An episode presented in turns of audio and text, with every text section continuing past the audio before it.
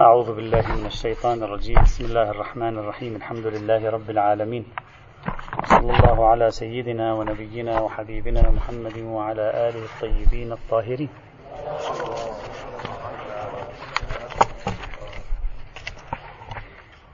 كنا نتكلم في بعض التنبيهات والملحقات المتصلة بموضوع النبيذ. وصلنا إلى التنبيه الثالث. ما هو مقصود الأحناف من النبيذ الحلال؟ حاول بعض العلماء المعاصرين وهو عبارة عن الشيخ فريد الأنصاري أحد علماء المغرب شخصية علمائية مغربية من المغرب مراكش. حاول أن يجري صلحا بين المسلمين في موضوع النبيذ ليثبت أن جميع المسلمين بمن فيهم الأحناف يقولون بحرمة النبيذ المسكر وأن الأحناف في القرن الثاني الهجري لم يكونوا من الذين خرقوا إجماع الأمة على حرمة النبيذ المسكر. خلاصة محاولته طبعا هو يعني يريد أن ينتصر لحرمة النبيذ ويمنع عن خرق الإجماع. خلاصة محاولته رحمه الله توفي سنة 2009 قبل عشر سنوات تقريبا. خلاصة محاولته قال إن مقصود الكوفيين والأحناف من حلية النبيذ النبيذ غير المتخمر يعني الذي لم يصل إلى رتبة الإسكار. قال عندما قالوا النبيذ حلال قصدوا النبيذ الذي لم يصل إلى رتبة الإسكار. طيب إذا كان قصدوا النبيذ الذي لم يصل إلى رتبة الإسكار فعلى ماذا تصارعوا مع علماء المسلمين؟ يعني هذا طبيعي فإذا على ماذا كانت الشجار بينهم؟ إذا كان هم رأيهم أن النبيذ الذي لا يسكر حلال والنبيذ الذي يسكر حرام. وسائر علماء المسلمين هم أيضا رأيهم النبيذ الذي لا يسكر حلال والذي يسكر حرام. فعلى ماذا كان الخصام والشجار فيما بينهم؟ قال قال الشيخ فريد الأنصاري قال القضية أتت من حلقة وسطى بين الإسكار وعدم الإسكار وهي ما يسمى بالإطراب وهو ما يسمى بالإطراب. قال يوجد شيء من علاقة الإنسان ببعض المشروبات يحس بالطرب لكنه ليس سكرا. يستأنس يحصل له كيف في الموضوع بالتعبير العامي اليوم. يعني يحصل له مزاج ويمثل ويقول مثل بعض أولئك الذين هم مدمنون على القهوة. عندما يشربون القهوة في الصباح لذة ونشوة و يعني نوع من ال... أنا عندي بعض الكلمات العامية اللبنانية لكن لا تنفع. نوع من ال... يعني الهدوء الأعصاب ال... ال... أكثر أكثر من ال... أكثر من الريلاكس يعني لذلك يقول في المغرب قبل 200 سنة وقع نقاش في حلية القهوة وحلية الشاي. قال وسبب النقاش بين علماء المسلمين في المغرب حول هذا الموضوع لم يكن أن القهوة والشاي مسكرة بل كان السبب هو أنك عندما تدمن عليها تشعر بشيء من الطرب تشربها؟ يعني. ففعلا الذين عندهم إدمان على القهوة هنا القهوة ليست مشهورة كثيرا لكن مثلا في بلداننا القهوة لها رمزية معينة. الذي عنده إدمان على القهوة القهوة هي عبارة عن يعني مزاج خاص. فقال هذا الإحساس بالسعادة العالية هذا الإحساس بالشوق والمحبة للقهوة هذا هو الطرب. كذلك الحال في النبيذ. قال هذه الحلقة الوسطى حرمها علماء الإسلام. أحلها الأحناف لا هو سكر بمعنى السكر الحقيقي ولا هو كشرب الماء وإنما هو بين بين حالة من النشوة والسعادة تعتري الإنسان بشربه لهذا النبيذ الحلو المذاق لكن في الوقت عينه لا تبلغ به حد الإسكار ولا تبلغ به حد أن يكون مسكرا.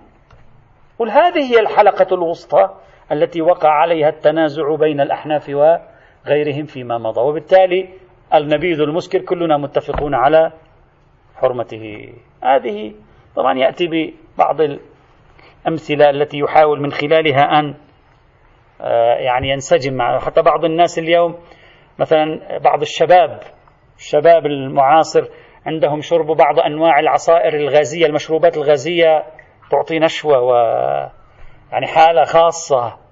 ليس سكرا. وهذا منه أيضا نفس الشيء أيضا هذا منه وهكذا.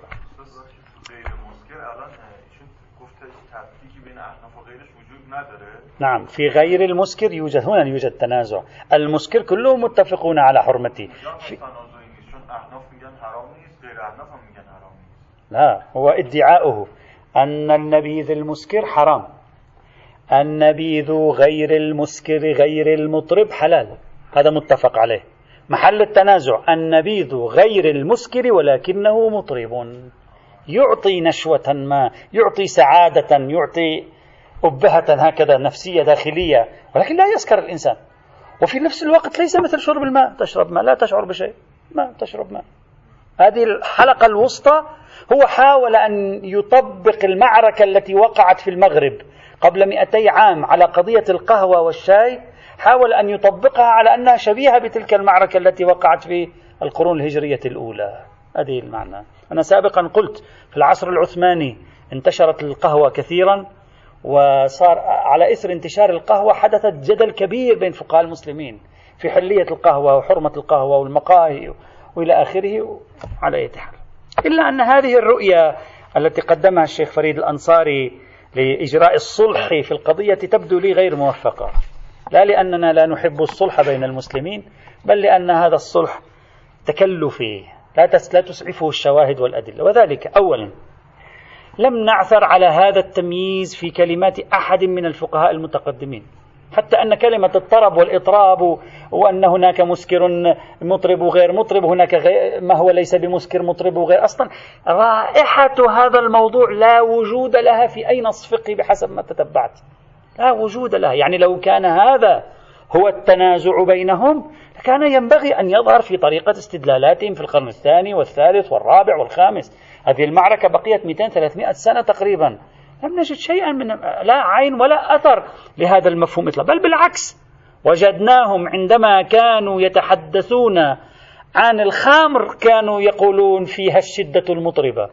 فالطرب عندهم كان ملتصقا بمفهوم المسكر لم يكن ملتصقا بمفهوم غير المسكر.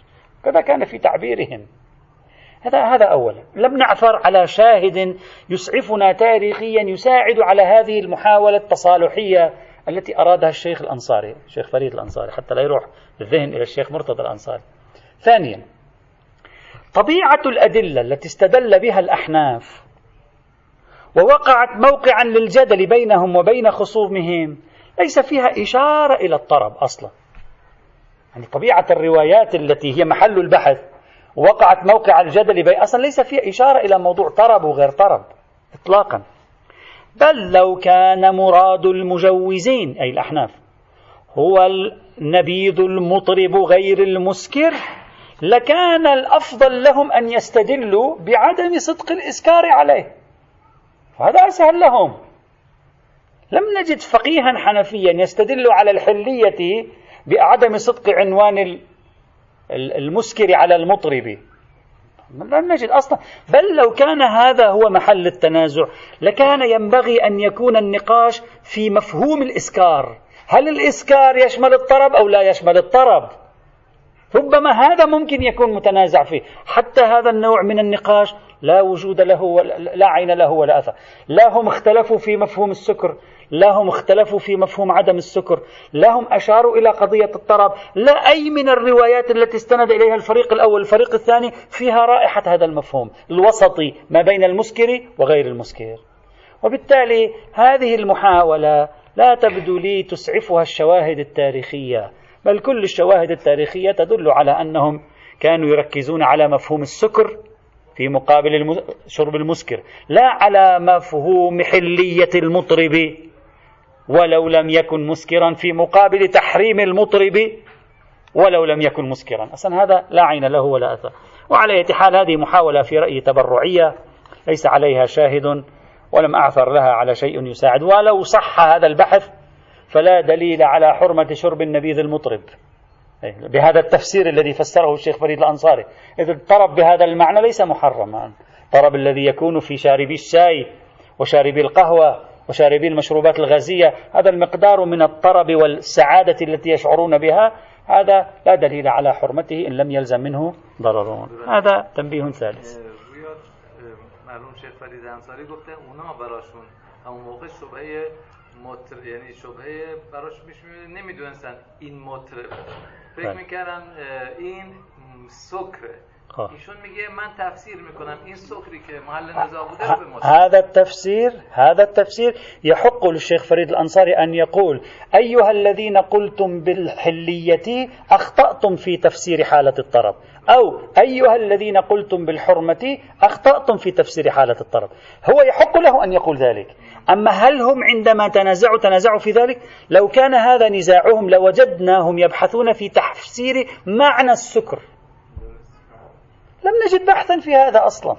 ممكن يتنازع هل الطرب هل السكر يشمل الطرب أو لا يشمل الطرب. هل كون شراب مسكرا معناه لو شربناه يحصل لنا نحو من السعادة أو هذا لا يصدق عليه مسكر. أصلا شيء لم نجد من هذا. وبالتالي من الصعب أن نحملها على هذا المحمل.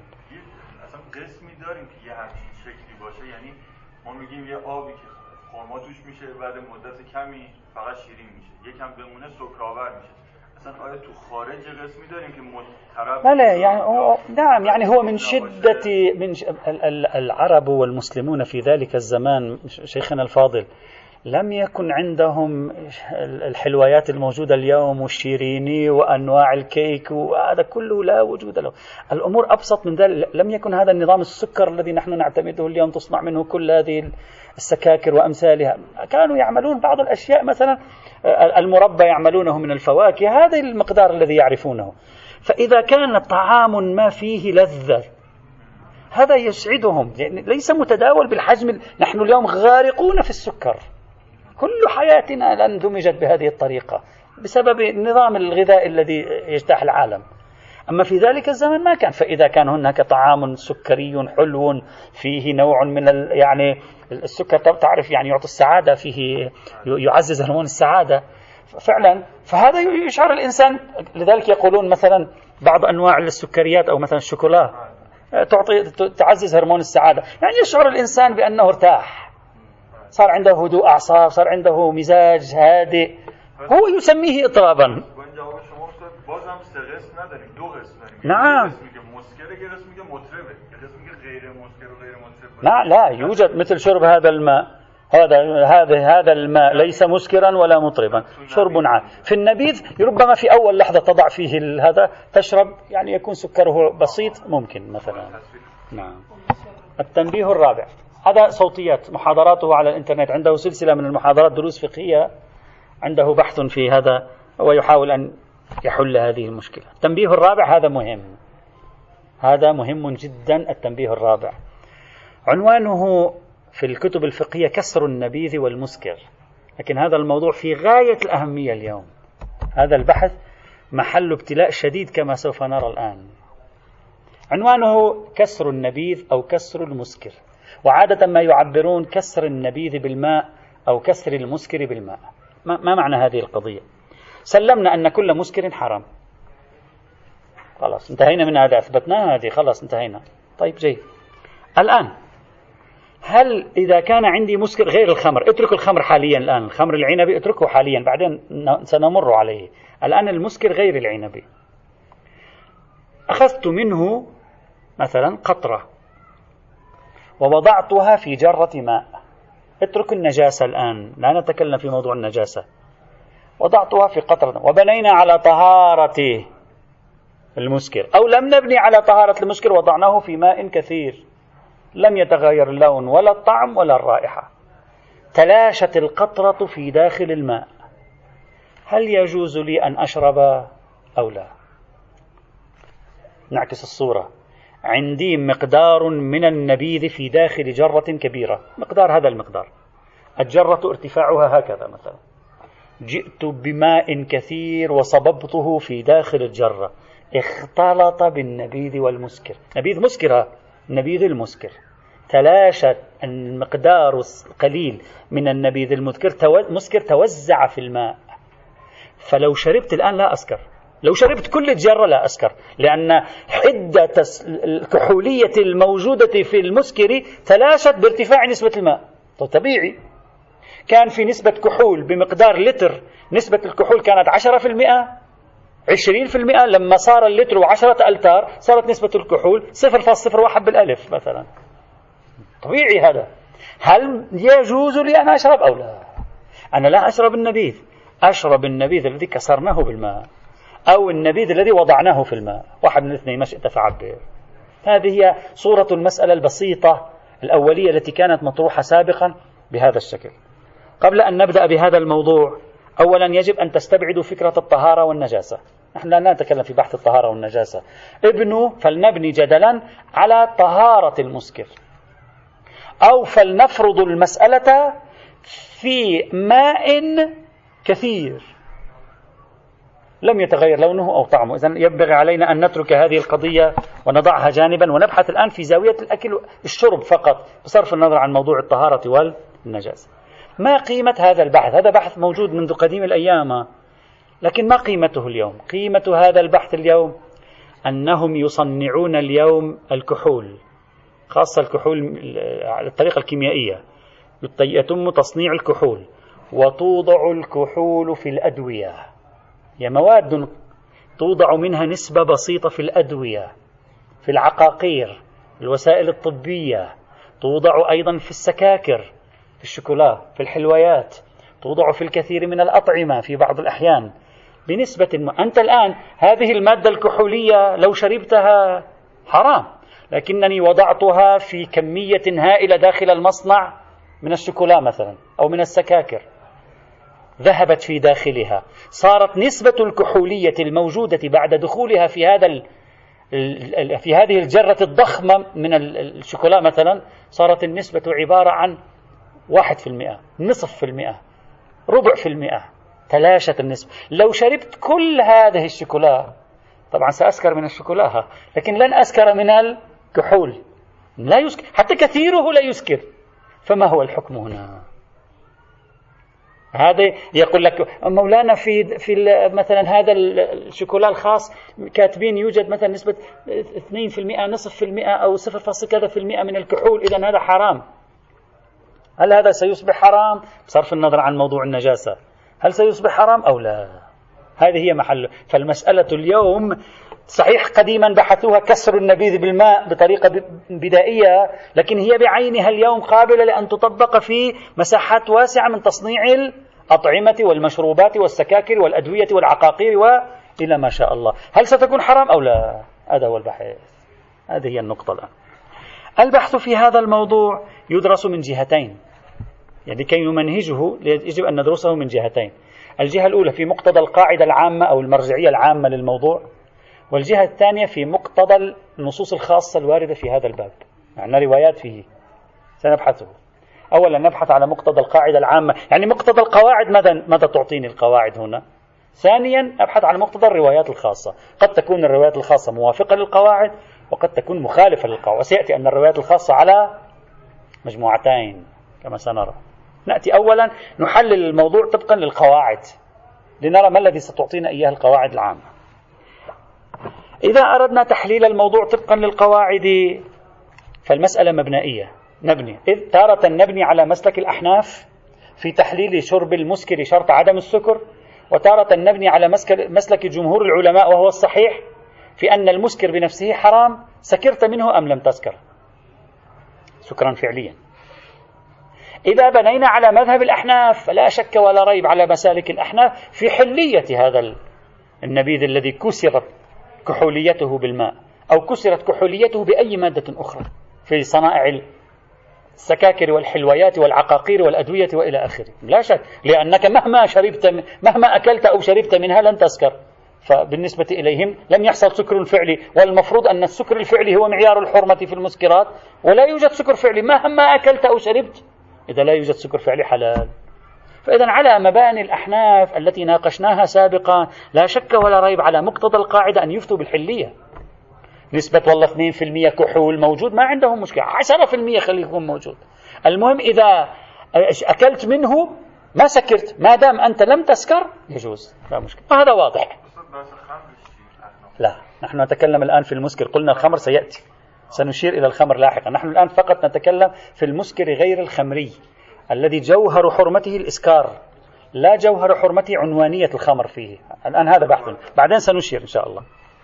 أما إذا جئنا إلى رأي المشهور الذي هو الصحيح كما قلنا ما هو الموقف هنا؟ ممكن الإنسان ينظر إلى القضية من زاويتين. أرجو التدقيق. ينظر القضية من زاويتين. الزاوية الأولى يقول حرام. لماذا حرام؟ يا أخي عندك أنت جرة من ماء أو جرة من عصير. أو أي شيء كان. وضعت فيه مقدار هذا المقدار من المسكر. مقدار بسيط من المسكر. هذا أليس يسمى مسكر؟ نعم. لو شربنا منه كثير ألا يسكر؟ نعم. إذا هو حرام. فإذا صببناه صار جزءا من مكونات هذا الشراب الكبير. فإذا نحن نشرب الآن العصير ومعه المسكر. مفترض يكون حرام. هذه شكل من القراءة للموضوع. شكل آخر. نعم وهذا ما أسكر كثير فقليله. وهذا قليله. أين قليله؟ في داخل هذا في داخل هذه الجرة. فإذا أنا شربت عمليا قليل المسكر ولو في داخل هذه الجرة التي هي مليئة بالماء أو بأي مادة أخرى. هذه زاوية للنظر. نأتي إلى زاوية أخرى للنظر. قد شخص من الزاوية الأخرى يقول لا هذا الكلام تبسيطي. هذا يبسط القضية. القضية ليست كذلك. نعم. لو كان المحرم في الشرع عنوان النبيذ بما هو نبيذ كلامكم صحيح. النبيذ وضع في داخل مكونات هذا الطعام أو الشراب أو الدواء فأنا الآن أتناول دواء واحدا من مكوناته النبيذ وبالتالي النبيذ حرام بعنوانه فيكون حراما لكن الحرام هو عنوان المسكر. هذا كما ثبت معنا سابقا. قلنا هذا الرأي المعروف. الحرام الآن هو عنوان المسكر لا عنوان النبيذ. عنوان النبيذ بحد نفسه ليس عنوانا تحريميا. قلنا العنوان التحريمي هو المسكر. طيب الآن إذا كان العنوان التحريمي هو المسكر نأتي قد من الجهة الثانية. نقول وضع هذا المقدار الذي هو مسكر. وضعه في داخل هذا الإناء الكبير. سيؤدي إلى تلاشيه يعني إلى سريانه في داخله وبالتالي لا يعود شرب هذه عرفا يصدق أنك تشرب المسكر. بل لو شربت كثيره لن تسكر حينئذ. تغير الموضوع عرفا. عرفا لا يقال هذا يشرب المسكر. عرفا لا يقال هذا مسكر. نعم لو فصلته لوحده وشربته كثيره مسكر إذا قليله حرام. لكن هذا الذي أنا أشربه كثيره غير مسكر. أنا لو شربت مئات الجرات من هذا الذي أشربه الآن لا أسكر؟ إذا هذا قليله حلال كثيرهم أيضا حلال. لأنه لا يسكر أصلا. خرجنا بفعل هذا المزج ما بين المسكر وغيره خرجنا عن فاعلية عنوان المسكر. دخلنا عرفا في فاعلية عنوان ثاني. لم يعد يوجد لا يقال هنا يوجد أنا أشرب المسكر عرفا. نعم قبل أن نمزجه كان هذا يصدق عليه عنوان المسكر وكان شربه حرام. الآن بعد المزج لا يصدق عليه أن شربه حرام وبالتالي ينبغي تغيير القاعدة. نعم هو لا نبيذ يوجد لكن لم يعد يوجد صفة المسكر بما هو مسكر. هذه الصفة انتهت ذهبت. تلاشى تغير العنوان حينئذ. لم يعد أستطيع أن أقول فلان يشرب المسكر. عرفا هل يقال فلان يشرب المسكر؟ لا يقال فلان يشرب المسكر عرفا وبالتالي ينبغي أن يقال حين الآن ما زلنا على مقتضى القاعدة نحلل أوليا. فإذا لو بنينا على حرمة النبيذ بعنوانه قد يقال النبيذ موجود هنا كجزء وأي جزء من النبيذ ولو أنت شربت سكرت أو لم تسكر حرام. أما إذا كان المحرم هو عنوان المسكر بما هو مسكر نفس اندماجه في الماء انكسرت فيه صفة الإسكار تلاشت صفة الإسكار أشبه بتغير الموضوع. دخلنا في مرحلة أخرى دخلنا في حالة جديدة وصورة جديدة. لم يعد يصدق شرب المسكر في مثل هذه الحال. ولو كانت هذه المواد بفصلها مرة ثانية لو شربناها تسكر. إذا ينبغي أن نحسب القضية بهذا المع وهذا ليس غريبا. لا تستغربوا. الآن إذا جئتكم بمقدار من البول وضعناه في ماء كر البول يجوز شربه أو لا؟ الفقهاء يقول لك لا يجوز شرب البول. جميل. وضعنا هذا البول في كر. لم يتغير لونه ولا طعمه ولا رائحته تلاشى البول في داخل الكر. انساب فيه. الشرب من هذا الماء ماذا يفتي الفقهاء؟ يفتي بالحلية. هذا بول حلال. لا هو نجس ولا أنت تشرب البول. لتغير الموضوع. الصورة تغيرت بنظر العرف. هذا من نفس الشيء. فقد يقال حينئذ إن مقتضى القاعدة الحلية وبالتالي هذه المعركة الطويلة التي تطرح بين المؤمنين أن والله هذا الدواء وهذا الشوكولا وهذا السكاكر وهذا المطعوم فيه نسبة كحولية معينة إلى آخره هذا كله لا يؤدي إلى تحريم ولا إلى أي شيء. بصرف النظر عن موضوع الطهارة والنجاسة كما قلت في البداية. هذا من جهة أخرى. من هنا يمكن أن نسلط الضوء. الآن إذا سلطنا الضوء على هذا الشاهد الذي سأقوله سترتاح النفوس. سترتاح النفوس كثيرا. من هنا نرجع إلى فتوى السيد السيستاني. السيد السيستاني في كتابه فقه المغتربين أصدر فتوى أثارت بلبلة في حينه. ثم سئل مرة أخرى في استفتاء أجاب عن مقتضى استفتاء عن مقتضى ما أفتى به من قبل. وسأذكر نص استفتائه في كتاب استفتاءات السيد سيستاني صفحة 428 ونص الاستفتاء سيتضمن ما كان قد قاله في كتاب فقه المغتربين أو الفقه للمغتربين. يقول الاستفتاء ورقمه 1693 يقول السؤال ورد في كتاب فقه المغتربين الصفحة 82 يجوز تناولها أي المأكولات أو شربها أيضا إذا كانت نسبة الكحول ضئيلة. كعشرين في المئة. عشرين في المئة ليست ضئيلة. هكذا. وقد انتهت الفتوى. الآن السائل يسأل يقول له وقد كثر اللغط والحديث عن مدى صحة هذه الفتوى. وكذا كلام المغرضين. يعني الظاهر في ناس بدأوا يأخذون بالسيد السيستاني ويطعنون به ويتكلمون عنه ويحلل المسكرات. تعرف بعض الناس هم ملوكيين أكثر من الملك. فبدأوا يضربوا يقرعون الطبول مثلا ربما لا أدري هكذا يبدو. يقول وكذا كلام المغرضين هنا على ضوء الحديث المشهور ما أسكر كثيره فقليله حرام. نحن حديث. أسكر هذا أسكر كثيره إذا قليله الموجود هنا في الداخل حرام. نرجو الإيضاح. الجواب يجيب السيستاني يقول المفروض الآن لاحظوا السيستاني يتكلم على مقتضى القاعدة التي شرحناها قبل قليل. المفروض أنه من جهة قلته واختلاطه بغيره لما اختلط بغيره أصبح معدوما عرفا تلاشى. فلم يبق منه شيء يعد حراما. لم يعد يقال أنت تشرب مسكر. نعم لاحظ. نعم لو كان يتناول نفس تلك الكحول التي وضعت في في الجرة الكبيرة. لو كان يتناول نفس تلك الكحول ولو قطرة واحدة كان حراما. ما معنى هذا الكلام؟ انتهت الفتوى. انتهى استفتاء السيستاني الموجود في صفحة 429 عفوا أنا قلت 428 429 من كتاب استفتاءات السيد السيستاني في توضيح تلك الفتوى. كلام السيد السيستاني على مقتضى القاعدة. يعني أن يقول شرب المسكر ولو القليل منه حرام. الآن بوضعه في داخل ماء كثير أو أي مادة سائلة أو غير سائلة كثيرة. وتوزعه فيها بنسبة عالية.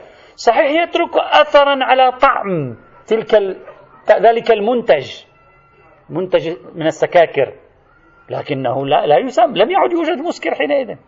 انتهى المسكر. فيجوز تناوله. ففتوى السيد السيستاني الآن على مقتضى القاعدة وكأنه لديه نظر في الروايات التي سوف تأتي معنا إن شاء الله تعالى في المرحلة الثانية. إذا أيضا اللجنة الدائمة للبحوث اللجنة الدائمة للبحوث العلمية والإفتاء في المملكة العربية السعودية. يعني مجلس الإفتاء في المملكة العربية السعودية أيضا أصدر فتوى سابقا هذا قبل ربما عشرين سنة يمكن تقريبا تحرم الكحول التي في العطور يقول الكحول التي في العطور في العطر. حرام إذا كان شرب العطر مسكرا لا شرب الكحول مسكرا. نفس يعني نفس الذهنية التي تحرك فيها السيد السيستاني. إذا كانت العطر لو شربته سكرت نعم هذا العطر حرام شربه. لا الكحول التي في العطر لو شربتها لسكرت. لا لا تهمني الكحول التي في العطور. يهمني ما تشربه في صدق عنوان المسكر عليه. لا أنه في داخله شيء لو فصل لصدق عليه عنوان المسكر. أنا لا يهمني حالة انفصاله. في حالة اتصاله تغيرت الصورة. لاحظ. كذلك معروف أن الشيخ القرضاوي أيضا من علماء أهل السنة كانوا يرخصون أيضا في نسب الكحول البسيطة بنفس الذهنية بنفس التعليل أيضا في هذا الإطار. وعليه وعليه وعليه. إذا بنينا طبعا في فتوى لا بأس أن نشير إليها أيضا في فتوى صادرة عن المجمع الفقهي في الولايات المتحدة الأمريكية أو في أمريكا ربما تكون المجمع أنا لا أذكر الآن. تعرفون أهل السنة في خلال السبعين سنة الأخيرة ظهر عندهم ما يسمى بالمجامع الفقهية في العالم. هذا الشيء لم يظهر في الوسط الشيعي مجمع فقهي ما عندنا نحن. هم بسبب تراجع وجود المرجع الأعلى عندهم كبار الفقهاء استقطاب تضاءل عندهم وبسبب نزعتهم الجماعية أيضا نظرهم لما سموه بفقه الاجتهاد الجماعي. ظهر عندهم مجامع علمية في المجمع العلمي في شبه القارة الهندية في عندهم المجمع العلمي في القاهرة المجمع العلمي الأوروبي أيضا المجمع العلمي الفقهي في أمريكا. المجمع العلمي الفقهي في أمريكا أصدر فتوى قال فيها لو ظل الإسكار أو تركت الكحول أثرا في الطعم أو الرائحة أو اللون حرم طب هذه ظل الإسكار فهمناها. تركت أثرا في الطعم ما فهمناها. لماذا تركت أثرا في الطعم؟ إما بقي مسكرا أو لا يبقى مسكرا. إن بقي مسكرا مفرد حرام مطلقا. ترك أثرا في الطعم أو لم يترك أثرا. إن زال عنه صفة الإسكار تركه للأثر في الطعم واللون. مع زوال صفة الإسكار عنه موجب التحريم ما هو لم يوضحه أو لم أعرف التوضيح على أية حال. وآية حال.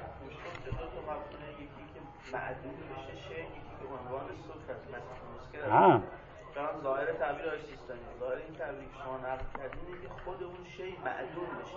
نه اینکه عنوان مسکینه ولو اینکه عنوان هم زائل بشه اگر عنوان اون شيء معدوم نشه کافی نیست. خب. نعم الآن سنوضح الآن سنوضح نعم. سنقول فتوى السيد السيستاني الاقتراب من مفهوم العدم العرفي. الشيء الذي نطرحه نحن الآن الاقتراب من مفهوم عدم المسكرية عرفا.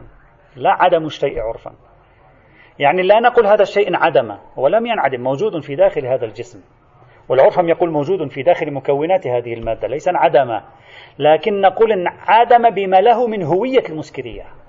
بما له من هوية المسكرية التي هي الهوية الأولى والأخيرة في تحريمه هكذا. فإذا كان نظر الذين قالوا بالعدم هو هذا فلا بأس. وإلا فالعبرة بعنوان المسكر لأنه هو الذي يدور التحريم مداره. هو الذي يدور لا عنوان النبيذ لا عنوان السائل لا عنوان ذات الشيء. فإذا قصد من الانعدام انعدام المسكر بما هو مسكر. نعم هذا يصدق لأن صفة المسكرية ما دامت قد زالت فقد انعدم في مثل هذه الحال. والمتحصل أن مقتضى القاعدة الأقرب في مقتضى القاعدة. قبل أن نذهب للروايات سنرى الروايات قد تغير القاعدة. مقتضى القاعدة جواز تناول الطعام أو الدواء أو الشراب الذي وضع فيه المسكر أو الكحول غير الخمرية.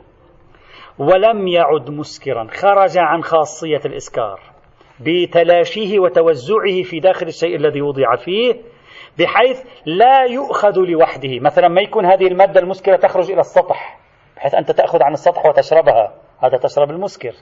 إذا كانت سنخ مادة تخرج إلى السطح بطبيعتها تتجمد على السطح فأنت تأخذها تشربها فأنت تشرب المسكر. يجب أن تكون منسابة في داخل الجسم الذي خلطت فيه بحيث لم يعد يصدق عليك أنك تشرب مسكرا ولم يعد يصدق هنا آه، شرب المسكر في مثل هذه الحال. هذا مقتضى القاعدة. أما ما هو مقتضى الأدلة الخاصة؟ الأدلة الخاصة قد تغير هذه القاعدة. هل هناك روايات في هذا الموضوع أو لا توجد روايات في هذا الموضوع؟ إذا رجعنا للروايات سنجد أن الروايات على مجموعتين على طائفتين. روايات يبدو عليها لا تقبل بمبدأ كسر النبيذ بالماء وروايات يبدو تقبل بمبدأ كسر النبيذ بالماء وتتغير النتيجة تبعا للمجموعتين. نأتي أولا للمجموعة الأولى. وعمدتها خمس روايات فقط.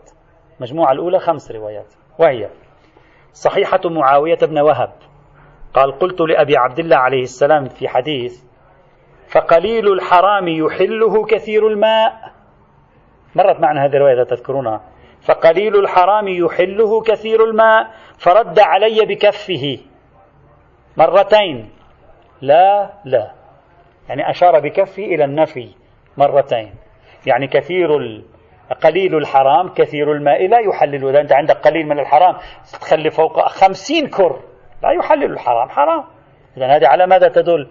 تدل على هدم ما توصلنا إليه في قاعدة وعلى هدم ما توصل إليه السيد السيستاني في هذا الموضوع. لأنه يطلق. يقول كثير الماء لا يقول له كثير الماء بمقدار مثلا كر كرين. حتى لو مئة كر هم أيضا لا يحله. ومئة كر يصدق معه العدم الذي تكلم عنه السيد السيستاني. إذا هذه الرواية ظاهرها نفي. الرواية الثانية خبر عبد الرحمن الحجاج أيضا هذه رواية صحيحة على المشهور. في حديث أيضا يتكلم معه عن النبي ثم يقول فقال له الرجل فأكسره بالماء. أكسره بالماء. فقال أبو عبد الله عليه السلام لا وما للماء أن يحلل الحرام. اتق الله عز وجل ولا تشربه واضح أيضا رواية بظاهر إطلاقها الكسر بالماء يشمل مطلقا سواء كسرته بماء قليل بسيط أو بكمية كبيرة من الماء. الرواية الثالثة خبر عمر بن حنظلة. قال طبعا الرواية فقط بحثها السندي في عمر بن حنظلة. من يوثق عمر بن حنظلة تكون الرواية صحيحة من لا يوثقه تكون الرواية مؤيدة فقط. قال قلت لأبي عبد الله عليه السلام ما ترى في قدح من مسكر يصب عليه الماء حتى تذهب عاديته؟ يعني يذهب هذه الطاقة التي فيه طاقة الإسكار التي فيه. ويذهب سكره. هذا ما فيه أو سكره يعني المسكرية التي فيه. فقال لا والله ولا قطرة تقطر منه في حب. حب يعني الخابية الضخمة الجرار الضخمة. إلا أهريق ذلك الحب. واضحة هذه يعني جلية جدا الرواية على أن هذا لا يغير من واقع الأمر شيئا. حرام حرام يبقى حرام. أنت تضعه في داخل مصنع وتخلي خمسة أطنان من الشوكولا. ما يغير شيء انتهينا. حتى لو لم نقل بالنجاسة. الرواية الرابعة وقبل الأخيرة. خبر كليب بن معاوية. طبعا الرواية فقط فيها كليب بن معاوية في نقاش حول توثيقه. ولعل الصحيح عدم ثبوت توثيق له. قال كان أبو بصير لأن في رواية في توثيق كليب إلا أنه لا يعلم أن المراد منه كليب بن معاوية. قال كان أبو بصير وأصحابه يشربون النبيذ يكسرونه بالماء. مرت معنا هذه الرواية على ما أظن أيضا. فحدثت بذلك أبا عبد الله عليه السلام فقال لي وكيف صار الماء يحلل المسكر؟ هذا ما يتكلم عن الخمر يتكلم عن النبيذ. مرهم يعني مرهم لا يشرب منه قليلا ولا كثيرا. قلت إنهم يذكرون أن الرضا من آل محمد يحله لهم. يعني أنت الرضا من آل محمد يعني أنت أنت الأئمة يعني أنتم. فقال وكيف كانوا يحلون آل, آل محمد المسكرة؟ وهم لا يشربون منه قليلا ولا كثيرا فأمسكوا عن شربه. فاجتمعنا عند أبي عبد الله عليه السلام. فقال له أبو بصير إن ذا ذا يعني هو كليب بن معاوية. كانوا جالسين. فقال أبو بصير إن ذا يعني كليب بن معاوية. جاءنا عنك بخبر كذا وكذا يعني أخبرنا بهذا الذي قبل قليل قلته. فقال عليه السلام صدق يا أبا محمد إن الماء لا يحلل المسكرة فلا تشرب منه قليلا ولا كثيرا. المياه لا تحلل. هذه الرواية أيضا واضحة في هذا المجال. الرواية الخامسة والأخيرة خبر عمرو بن مروان قال قلت لأبي عبد الله عليه السلام إن هؤلاء يقصد من هؤلاء الظاهر القوم الذين يبدو يلتزمون بشرب الأنبذة لعله الأحناف مبتلى يبدو بأصدقاء له مثلا في مجتمع حنفي لعله يكون في الكوفة. إن هؤلاء ربما حضرت معهم العشاء فيجيئون بالنبيذ بعد ذلك. يجيبوا النبيذ بعد العشاء لأن تعرفون النبيذ وهذه المواد تهضم. فإن أنا لم أشربه خفت أن يقولوا فلاني. معنى فلاني؟ يعني هذا جعفري مثلا شيعي. ها؟ فكيف أصنع؟ فقال اكسره بالماء. خلاص اكسر بالماء واستتكل على الله. قلت فإذا أنا كسرته بالماء يعني ما كانوا موجودين هم. الرواية ينبغي أن نفهمها هكذا وإلا تكون متناقضة. يعني إذا أنا هكذا من نفسي سأترك هؤلاء العشاء راح العشاء علينا. ها؟ أنا في نفسي فإذا أنا كسرته بالماء أشربه؟ قال لا. مما يشي ويشير إلى أن المراد بأنه في البداية قال له اكسره بالماء يعني لمكان التقية. يعني اتقهم اكسره بالماء. حتى لا تشرب النبيذ المسكر اشرب النبيذ؟ نصف نبيذ. المسكر لا نصف نبيذ. لا بأس. لكن إذا كنت لوحدك لا يجوز. فالرواية واضحة في أنها تنهى عن شيء مثل ذلك والرواية إسنادها مقبول عند من يوثق سهل بن زياد. هذه هي النصوص التي تمنع عن كسر النبيذ. وبالتالي تسير مع رأي المشهور اليوم الذين يقولون وضع الكحول ولو المصنعة كيميائيا في أي مواد مصنعة في العالم بما فيها الأدوية لا يبرر تناول هذه الأدوية أو المواد.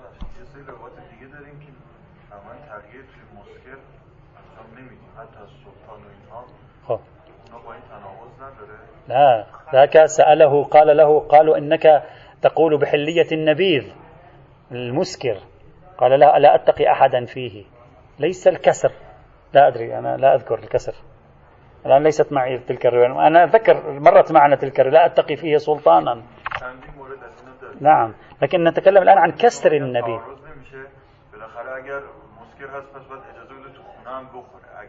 لا الإمام هناك قال أنا لم أتقي فيه سلطانا ولا غيره في مقام بيان الحكم الشرعي. أما هنا الإمام لا يتقي. الإمام يطلب من الشيعي أن يتقي هو ممارسة لا بيانا. نعم. لكن يقول له أنا شيء هذا لم أقله. فإنني لم أتقي فيه سلطانا ولا غيره. يعني معنى ذلك أنني في مقام بيان الحكم الشرعي في باب المسكرات لم أستخدم التقية في البيان. أما هنا لم يتقي الإمام في البيان هنا فقط طلب من الشيعي أن يتقي تقية عمل فتختلف حينئذ. وعليه. فهذه خمس روايات ممتازة لا أقل واحدة منها صحيحة الإسناد عند الجميع ويمكن تصحيح اثنين إضافية أيضا على مباني المشهور وبالتالي ينبغي أن نرفع اليد عن القاعدة مفاد القاعدة الذي قلناه قبل قليل ونقول بأن ما استنتجناه على مقتضى القاعدة كان خطأ إما في مضمونه أو في نتيجته. قد شخص يقول ممكن أن تيجي في بالك لا شيخنا هذه الروايات لا تغير مما توصلنا إليه شيئا. وذلك بأن يدعي أن هذه الروايات ناظرة إلى حالة كسر النبيذ. والمراد بكسر النبيذ ليس أن تضع النبيذ في جرة. المراد يعني أنا يقدمون لي نبيذا بهذا المقدار فأنا أكسر حدة الإسكار التي فيه فأضيف إليه مقدار من الماء بنفس الكمية. فأشرب وهذا يمكن أن يصاحبه بقاء عنوان المسكر. لكن حدة الإسكار تخف. يعني بدل أن يكون نسبة الكحول فيه مثلا 10% بإضافة الضعف تصبح نسبة الكحول 5% يعني بدل أن يكون من المسكرات يصبح من الفقاع. يعني قوته قوة الفقاع قوة البيرة لا قوة المسكرات الكحولية. فلعل الروايات التي نهت عن كسر النبيذ بالماء وأنت تكون جالس في مكان معين أو مقدار قربة أو ما شابه ذلك تريد أن تقول هذا المقدار لا يكفي في رفع الإشكال. لأن ذاك لو أراد أن يكسره ماذا سيستفيد إذا أراد أن يكسره في جرة؟ ماذا سيستفيد؟ سيذهب طعم النبيذ سيرجع ماء والمفروض أنه يريد أن يبقيه حلوا. فلا يكسره بكمية كثيرة وإنما يكسره بكمية قليلة. فقد يخطر في بالك أن الروايات ناظرة إلى هذا المقدار. أما الذي نتكلم عنه نحن الآن ليس ناظرا إلى هذا المقدار إلا أن الصحيح أن الروايات إما صريحة في الشمول للمقدار الكثير أو ظاهرة في الشمول للمقدار الكثير.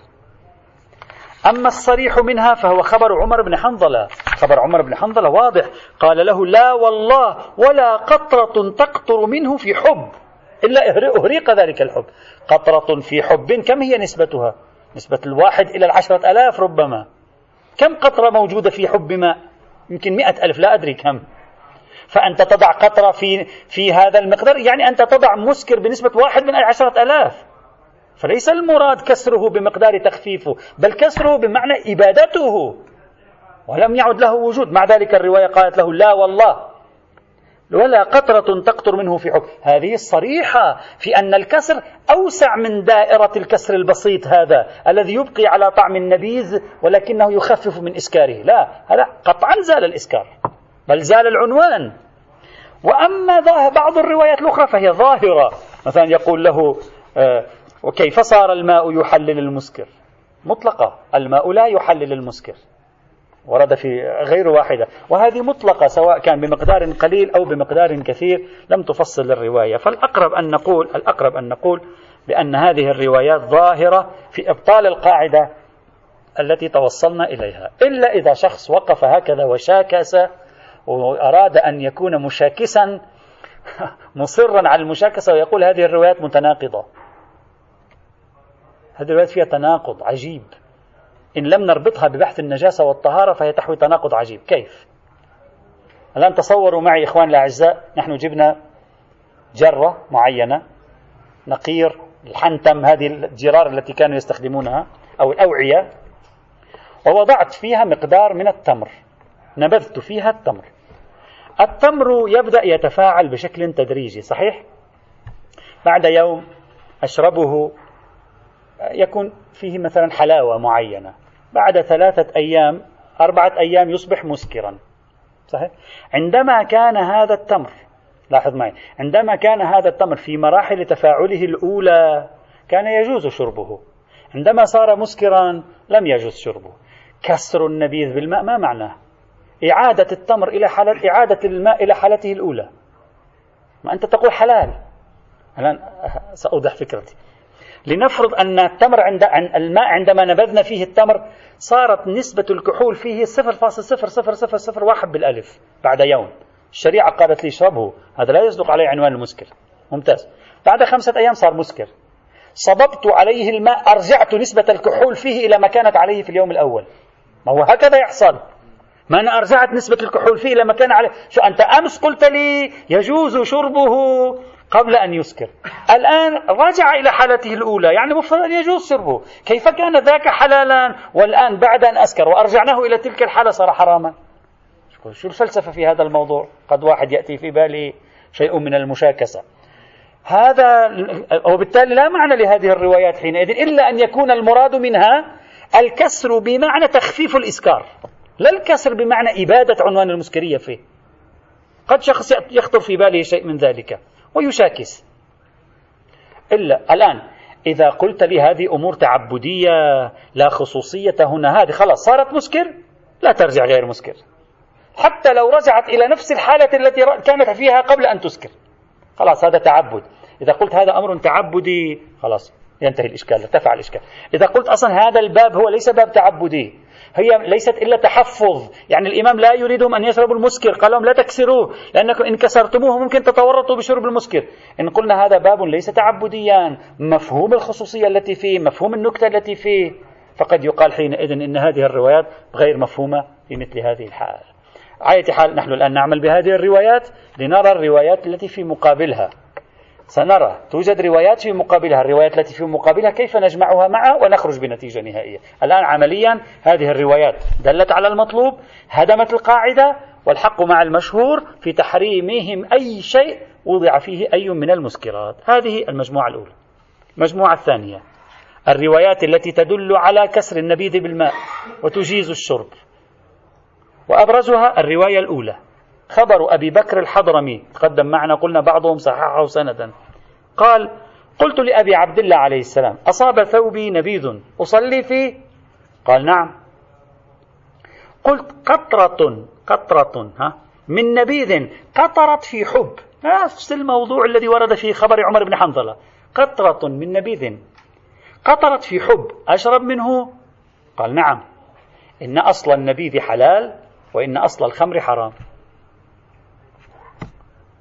تحدثنا سابقا بعضهم حملها على النبيذ الحلال وناقشنا هذه يصعب حملها على النبيذ الحلال هي ظاهرة في النبيذ المسكر. بينا ذلك سابقا لا نعيد. هذه الرواية تعرضنا لها سابقا. وهذه ماذا تفيد؟ هذه تفيد أنه قطرة من نبيذ قطرت في حب يجوز الشرب منه. أصل النبيذ النبيذ بما هو نبيذ حلال. المهم صفة المسكرية صفة المسكرية زالت. لم يعد يوجد مشكلة في الصفة, في الصفة هنا أصلا. لأن هذه الرواية مطابقة في التعارض تماما لخبر عمر بن حنظلة ومعارضة للرواية الأولى وموافقة لمقتضى القاعدة التي توصلنا إليها. هذه الرواية يجب أن نأخذها الآن بعين الاعتبار. بعدين سنرى العلاج. رواية ثانية. خبر ابن عباس. طبعا هذه الرواية التي سأقرأها الآن هي سلسلة روايات وطرق موجودة كلها في مصادر أهل السنة. يعني عدة طرق توصل إلى نفس القصة تقريبا. خبر ابن عباس. قال أتى النبي السقاية فقال اسقوني من هذا. فقال العباس ألا نسقيك مما نصنع في البيوت؟ قال لا ولكن اسقوني مما يشرب الناس. قال فأتي بقدح من نبيذ فذاقه فقطب يعني عبس انزعج. يعني رأى أن طعم تعطي إيحاء بأن فيه شو حدة اغتلم هاج. طيب ثم قال هلموا ماء. فصبه عليه. ثم قال زد فيه مرتين أو ثلاثا.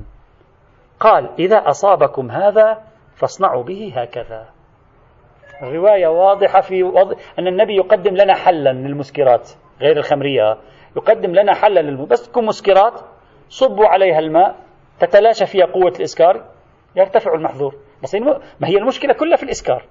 وهذا منسجم مع مع أن الخمر حرمت لإسكارها. يعني المشكلة في الإسكار زال الإسكار زال الحكم. هذه الرواية مروية أيضا بطريقهم إلى علي بن أبي طالب عليه السلام عن النبي صلى الله عليه وآله وسلم بسند فيه ضعف بمحمد بن الفرات أيضا. أيضا هذه الرواية مروية بطريق آخر عندهم عن أبي مسعود الأنصاري. قال أن النبي شمه فقطب لم يشربه شمه فقطب وأنه بعد ذلك سأل رجل هل هو حرام؟ قال لا.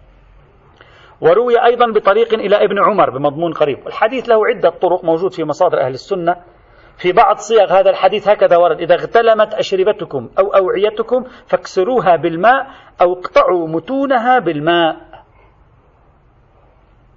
إذا حديث له عدة طرق ومن عدة جهات يتصل إلى النبي في قصة حصلت معه أنه هو قام بعملية كسر النبيذ الهائج الذي فيه العادية عادية الإسكار بواسطة وضع الماء فيه وبالتالي خفف من إسكاره رجع إلى حالته الطبيعية. وهذا شيء على مقتضى القاعدة يعني كما يعبر في الفقه يقتضيه الاعتبار أيضا.